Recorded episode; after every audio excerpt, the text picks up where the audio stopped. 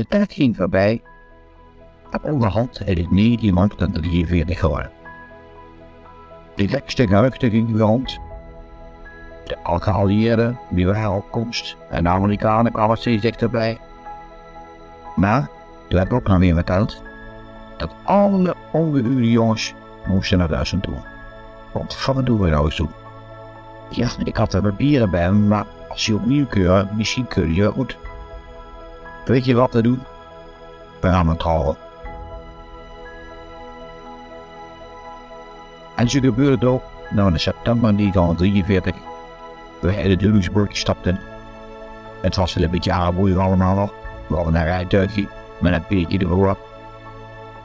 En uh, die ging wel naar het stadhuis toe. En was dat huis in de kerk. En we niet meer, want dat konden die paar niet verdragen zo ver te moeten lopen. Dus er werden geen foto's gemaakt mensen niet zoals normaal hadden horen. Afgewalen liep weer rustig. Was waren te krijgen. Een beetje eigen deelt als de mak.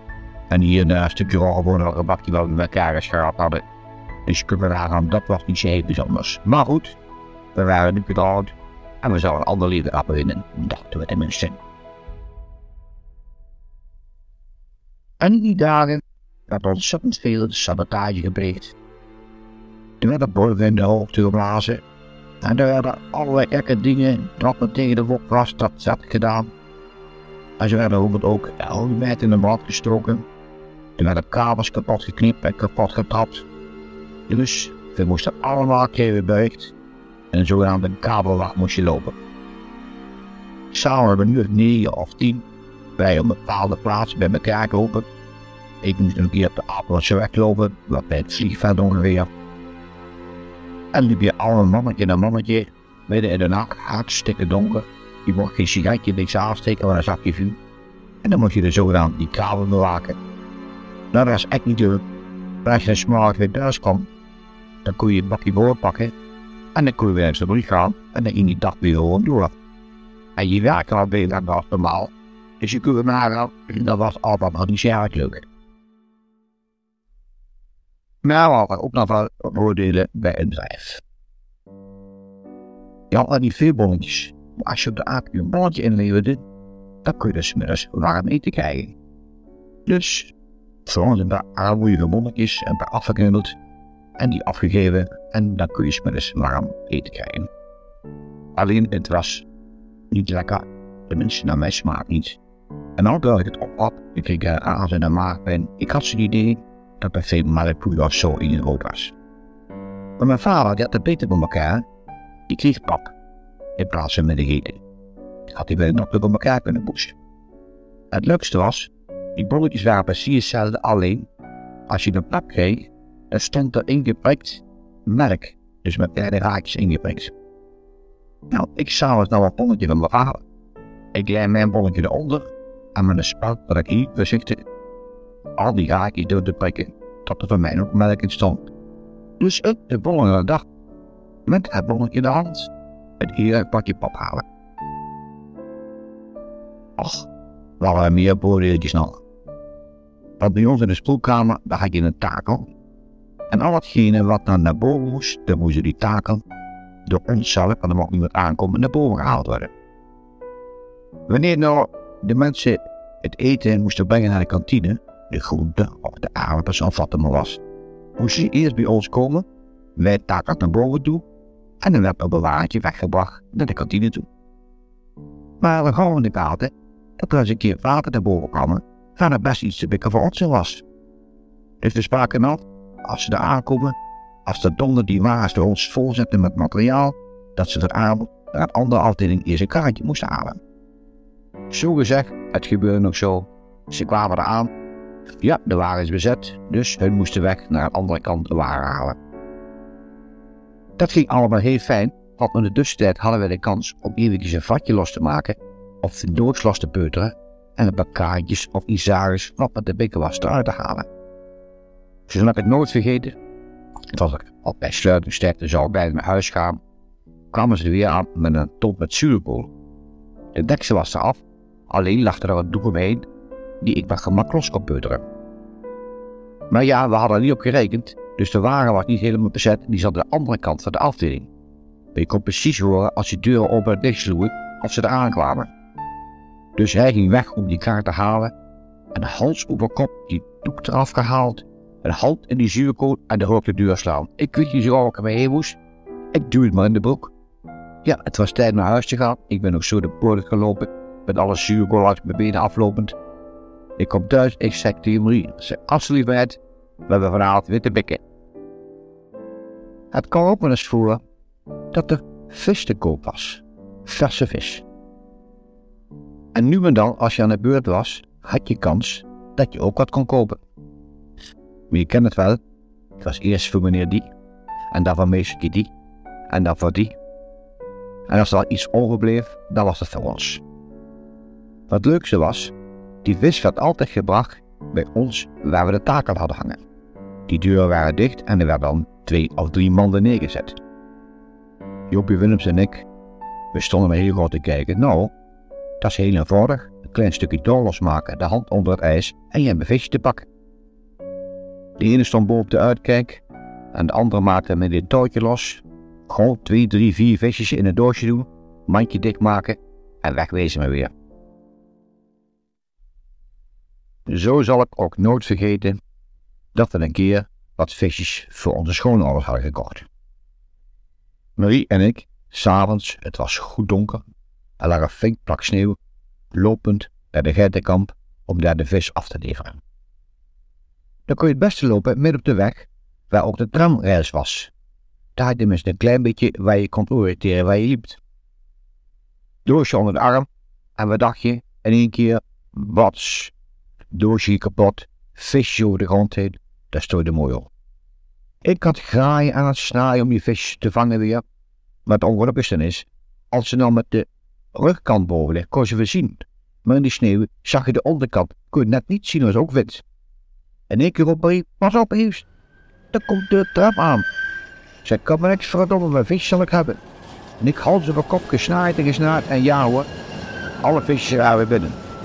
Ik heb het thuis nog even nagewogen, maar het klopte precies, we waren niets te kort gekomen. En nu kan het toch over de winter en dat donker. Die schiep naar iets te binnen, wat ik keer heb meegemaakt met mijn handdynamo. Er was een apparaatje, dat druk je op, en een heel klein beetje licht je net meer op de grond kon zien. Ik kom een keer van de stad af, richting Plattenburgerweg, de Velpenweg. Het was verschrikkelijk donker. Heel in de verte vliegtuigen die steeds maar over en weer vlogen naar Duitsland en van Duitsland af. Dus ik ben de weg en je hoorde wel mensen langs je heen lopen, maar je zag ze niet. Nu dat ik het lichtje even aan, jeep, jeep, jeep, en één keer geschreeuw achter me, dat de aus. Wat verdorie. Ik doe er een pasje bij. Wat hoorde ik? Die vent achter me zette ook een pasje aan. De enige kans die ik had, was een kwartslag draaien, de weg oversteken en daar blijven staan. En verdomd, het lukte me. Ik hoorde de keer aan voorbij gaan, schreeuwen en brullen dat het licht uit moest. Maar ik had het weer gehad, wat gegarandeerd dat ik mijn handdynametje kwijt ga, die ik nu nog steeds bewaard. Het was onderhand september 44 geworden. De geallieerden en de Amerikanen kwamen steeds dichterbij. Maar er nog steeds meer gedonder en gerommel in de lucht. We wilden allemaal zoveel mogelijk aan een schuilkelder te bouwen. Dat hebben wij ook achter het duin gedaan. Gaten gegraven, de ijzeren balken overheen gelegd, dan zandzakken erop, om zoveel mogelijk beschermd te kunnen zijn tegen eventuele scherven. Maar 17 september, toen brak de hel pas goed los. Grote zweefvliegtuigen, getrokken door bommenwerpers, vlogen over Arnhem heen. En honderden parachuten gingen open en die vielen allemaal naar beneden toe. Die zouden ons dan steeds meer komen bevrijden. Nou, het was weer gewoon een verschrikking. Op de stenen tafel stond een mop en die stond in de stad te schieten, want daar waren de geallieerden waren daar al, om natuurlijk zoveel mogelijk weg te jagen. Herman, mijn broer, die was er bij het Rode Kruis en die had daags ervoor wat haantjes gebracht. We zaten net aan de haantjes te peuzelen Toen was er in één keer een enorme bombardement. De gasfabriek werd gebombardeerd. De tintfabriek werd gebombardeerd. Wij vlogen met kippetjes en al de gang in, want dat was dan zogenaamd, werd verteld, de veiligste plaats. Op het trap zaten wij met de vette kleur in de handen. Wat heus, dan mocht er echt niet verloren gaan. Je werd overal aan. Na een rumoerige week in Arnhem te hebben doorgemaakt, werd ons gelast Arnhem te verlaten. 25 september 1944, 9 uur, werd met onze reis in aanvang genomen. Rijen van honderden mensen waren er op de Velpenweg te zien. Fietsen, kinderwagens, bakkerswagens, paardenwagens, handkarren, alles met witte doeken overtrokken. Zo begon onze reis vanaf Platteburgerweg 67 over Velp, Reden, De Steeg, Elkom, Dieren, lopen en fietsens, alles belast en beladen. Wij achter paard en wagen van de familie Deunis aan tot aan dieren waar wij bij een evacuatiepost melk, koffie en een paar heerlijke boterhammen met jam kregen. Wat ons erg verkwikte. Vanuit dieren werd het toch voortgezet naar Eerbeek. Daar werden wij met z'n negenen in de papierfabriek van de Kolderhoven ondergebracht. Door de bedrijfsleider, de heer Absen, werden wij als eerste verwelkomd. Om daar in de strooi onze eerste dagen van de evacuatie door te brengen. Dan werden we wat vertrouwd gemaakt met het buitenleven. S'morgens uit de beek drinken, wassen en de vaat schoonmaken. Waar we erg van genezen waren door zekere dingen die we zagen. De honden sliepen zogenaamd in een apart kamertje. Als vader Guske s'nachts een sigaretje moest roken vanwege zijn astma, werd hij aangeblaft door hoedjes die toegedekt waren door dekens. 28 september vertrokken wij naar huisje 1, genaamd de Bonenschans, in het kampeercentrum Kolderhoven. Er was een wilde, het huisje met een tafel en stoelen, niet te vergeten een kachel, die ons als gerookte palen maken.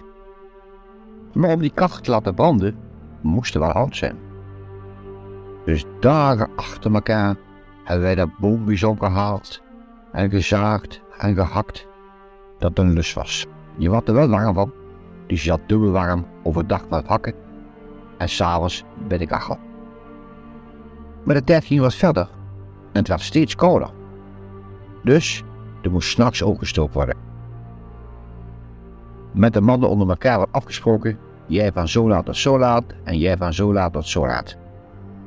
En om die kachel warm te houden en het hele huisje lekker warm te houden, want als je s'morgens wakker was, dan had je grote kans dat je dekens vastgevroren zaten aan de zijwanden. Dus er werd start gestookt. Het leukste was, diegene die start moest stoken, kreeg een sneetje roggebrood extra, dus dat was wel lekker. Ik zal nooit vergeten, Jo van Truus, die zou ook een keer gestoken. Op een nacht. En die wou die elke die klep losmaken, als bang ze lawaai zou maken. Die nam een hele arm vol met houtblokken. En net toen hij die klep los zou maken, bom met de bom, viel het hele zootje op de grond. Wakker was het hele stelletje weer. We dachten dat we daar wel veilig zouden zitten, maar helaas, ook dat was weer niet het geval. Want ze nu en dat, er waren daar Azia's en ik kwamen hem op kijken of er nog mannen aanwezig waren die er allemaal te werk werden gesteld aan de IJssel. Zal ik het nooit vergeten? Wij waren een keer aan het hout zagen. Toen een keer, ja jongens, razzia. Wij hals over kop weggevlucht de vrouwen namen het over om het houtveld te zagen, want er moet iemand mee doorgaan natuurlijk. We hadden altijd afgesproken waar een bepaalde plek tussen de struiken was waar we ons konden verstoppen.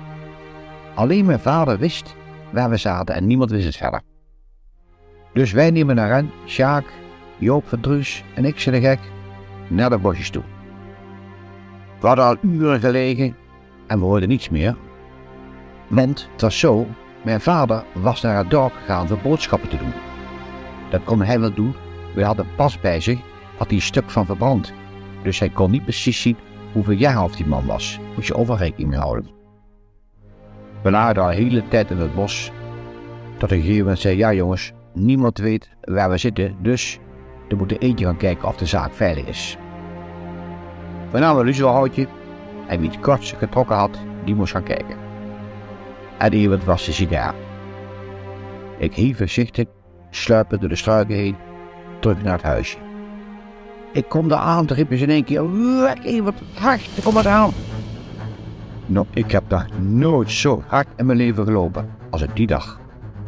Ik heb gerend terug naar de struiken. Ik kwam er aan, ik kon het eerste kwartier helemaal niks zeggen. Ik heb buiten adem gelegen te vertellen dat ze me rustig moesten blijven liggen. Het leukste was nog, we hoorden een keer voetstappen door de struiken heen. We zagen laarzen en heel voorzichtig wezen elkaar aan. Pas op, daar is zeker een mof. Maar nee, het was godzijdank geen mof. Het was ook een man die zijn zoon aan het zoeken was. Tot uiteindelijk hoorde het bekende fluitje van vader. En ja hoor, de zaak was weer veilig. We konden weer terug naar ons huisje toe. Op een dag werden we wakker geschrokken door een huilskabaal. Ik rende naar buiten toe. Ik had zoiets nooit gezien. Het was een V1 die heel laag over de bomen heen vloog. Met enorm lawaai, een grote vlam erachter en werden allemaal naar richting Engeland gestuurd. Die waren niet bemand, het waren gewoon wat nu noemen raketten. Maar het was een vreselijk gezicht als je zoiets ziet.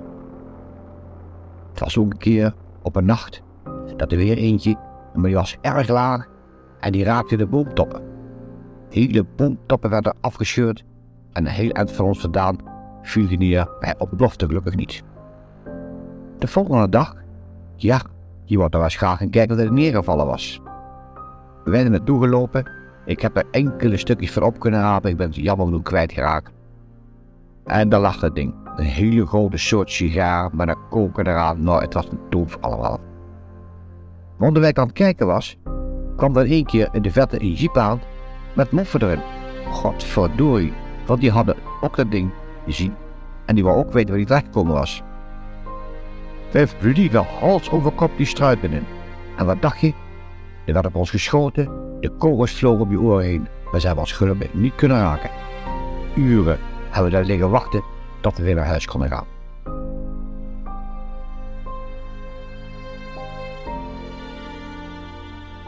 De avonden in ons huisje waren altijd erg gezellig. Heel stel bij elkaar. Er werd gekaard, allemaal geklets. Maar er was altijd wat iets te doen. Maar alleen, je moest ook licht hebben daar. Daar hadden we iets op uitgevonden. Als de vliegtuigen overkwamen was ons opgevallen dat er heel vaak hele grote stroken zilverbier naar beneden waren gegooid. En dat was schijnbaar om de radar misleiden of iets in die geest. in ieder geval, daar kregen we een idee voor. Daar konden we best een lappenkapje van maken en dat gebeurde ook. We hadden een oude fiets, die werd op de kop gezet en op de beurt moest je een kwartier draaien aan het wiel. En daar had je licht bovenaan de walk een lampje gehangen met een heel klein lampje erin want was daarvan als moest je gaan draaien.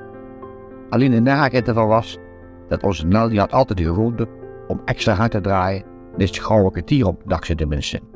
En dan pats, dan vloog het lampje weer stuk en dan moest er een nieuw lampje gedraaid worden.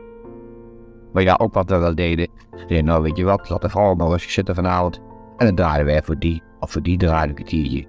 En zo kregen we avonddag ook wel heel gezellig op.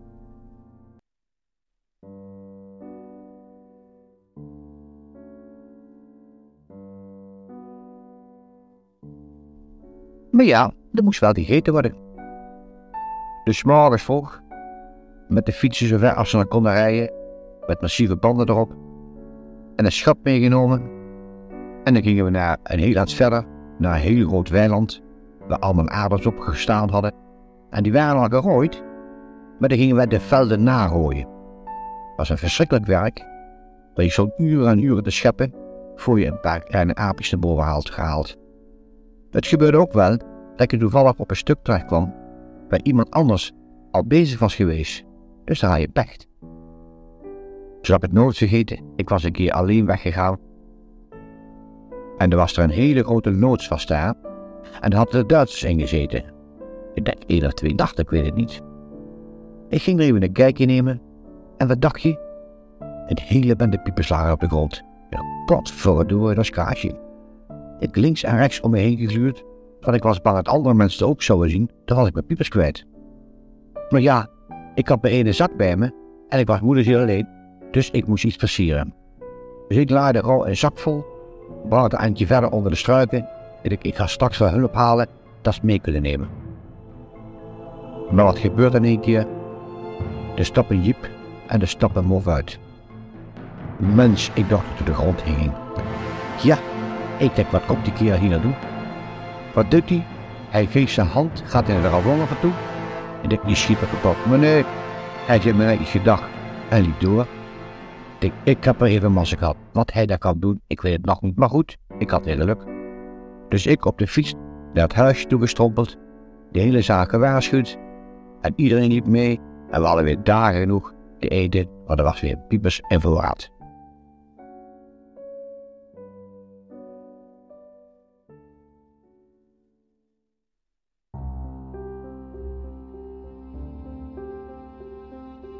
Het was onderhand half december geworden.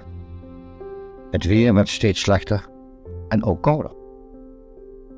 Het rooien van de krielaarbeidjes was afgelopen. De grond was bevroren.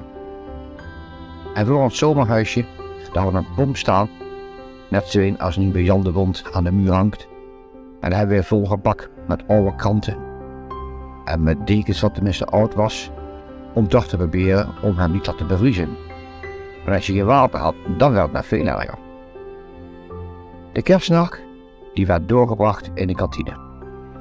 Ik kan me zelf niet veel meer van herinneren, maar in ieder geval is daar wel zo gebeurd. En oud en nieuw, ja, dat weet ik nog heel goed. We werden even naar buiten gestuurd. Onderwijl waren de dames bezig met roggebrood. Dat werd zo ja, een of andere gekookt. En dan kreeg je de suiker op. Dat was werkelijk een tractatie ook. En dan werd er gezongen. Ik zal nooit vergeten het liedje van Johanna. En werd ook gezongen van des Armen, onze dierbare stad. Ik kwam net als jullie, dat ik er maar zat. Maar goed, ging het helemaal door, A, B, C en enzovoort. Ik ben het helaas kwijtgeraakt, ik weet niet wat het liedje gebleven is. Maar ja, we gingen toch maar weer verder. De dames gingen zoveel mogelijk op stap om wat melk te kunnen krijgen, maar het werd ook steeds minder. En de mannen die probeerden hier of daar om clandestien wat vlees de kop te tikken. En het gebeurde wel eens een keer dat ze geluk hadden. Het vieste werk valt nog altijd. Je had achter je zomerhuisje had je een wc staan. Van triplex. Zo'n huisje gemaakt, een dakje erop, een deurtje ervoor. En dan gewoon een gat in de grond met een plank erboven. En eens in de zomertijd moest het leeggeschept worden. Nou, ik vond het een verschrikking. Ik heb de bescheiden keer boos van kokhalzen, maar ja, het moest toch maar weer gebeuren. Had ieder dag uiteindelijk nog weer zijn eigen taak.